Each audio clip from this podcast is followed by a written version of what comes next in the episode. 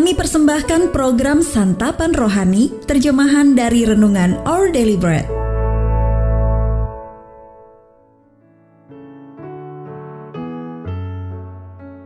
Sahabat ODB, pembacaan Alkitab hari ini terambil dari Ayub 19 ayat 19 sampai 27.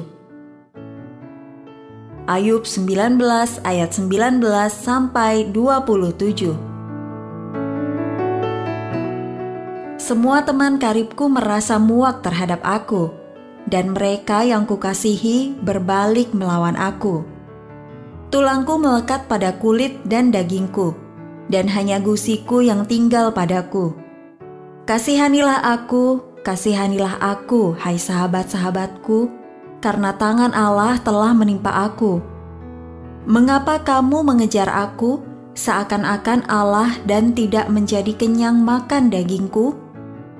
Ah, kiranya perkataanku ditulis, dicatat dalam kitab, terpahat dengan besi pengukir dan timah pada gunung batu untuk selama-lamanya. Tetapi aku tahu, penebusku hidup, dan akhirnya ia akan bangkit di atas debu. Juga sesudah kulit tubuhku sangat rusak, tanpa dagingku pun aku akan melihat Allah. Yang aku sendiri akan melihat memihak kepadaku Mataku sendiri menyaksikannya, dan bukan orang lain. Hati sanubariku merana karena rindu.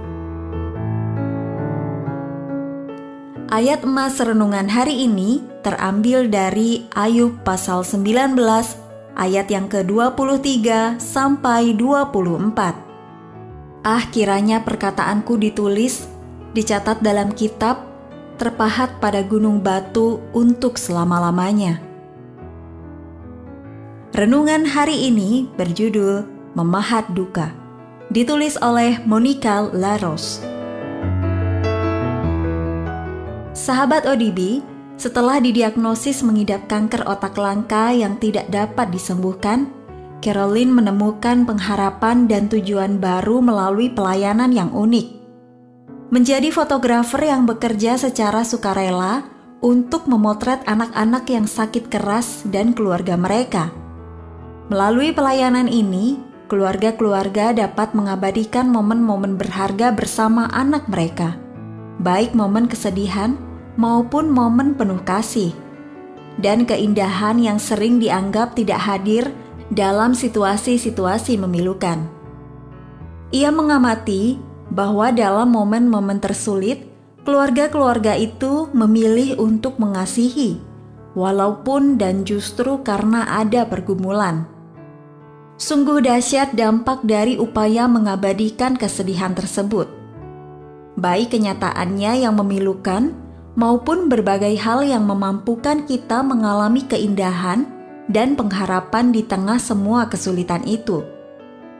Sebagian besar kitab Ayub bagaikan potret kesedihan yang dengan jujur merekam perjalanan Ayub melalui kehilangan yang memilukan.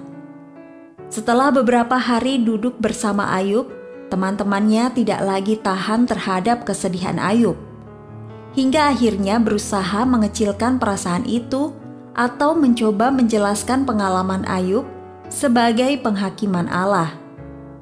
Ayub menolak itu semua dan bersikeras bahwa apa yang tengah dialaminya itu memiliki arti.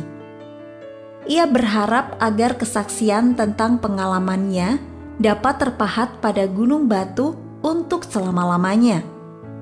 Melalui kitab Ayub, kesaksian itu memang terpahat, sehingga kita yang sedang bersedih atau berduka dapat dibawa kepada Allah yang hidup, yang menjumpai kita di tengah kepedihan dan memikul kita melewati kematian menuju hidup yang dibangkitkan.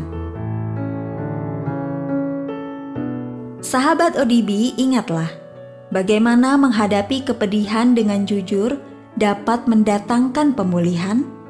Pernahkah Anda mengalami anugerah dan keindahan tak terduga saat di tengah rasa duka? Ya Allah yang penuh belas kasihan, mampukanlah aku untuk bersaksi dengan jujur kepada mereka yang sedang menderita. supaya aku dapat meneruskan pengharapan yang Engkau sediakan.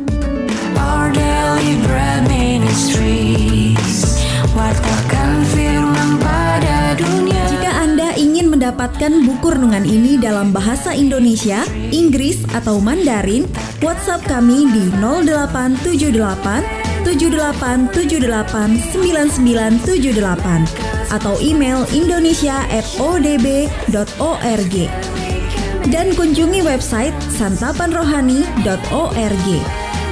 Persembahan kasih dari Anda memampukan Our Deliberate Ministries menjangkau orang-orang agar diubahkan. Tuhan memberkati.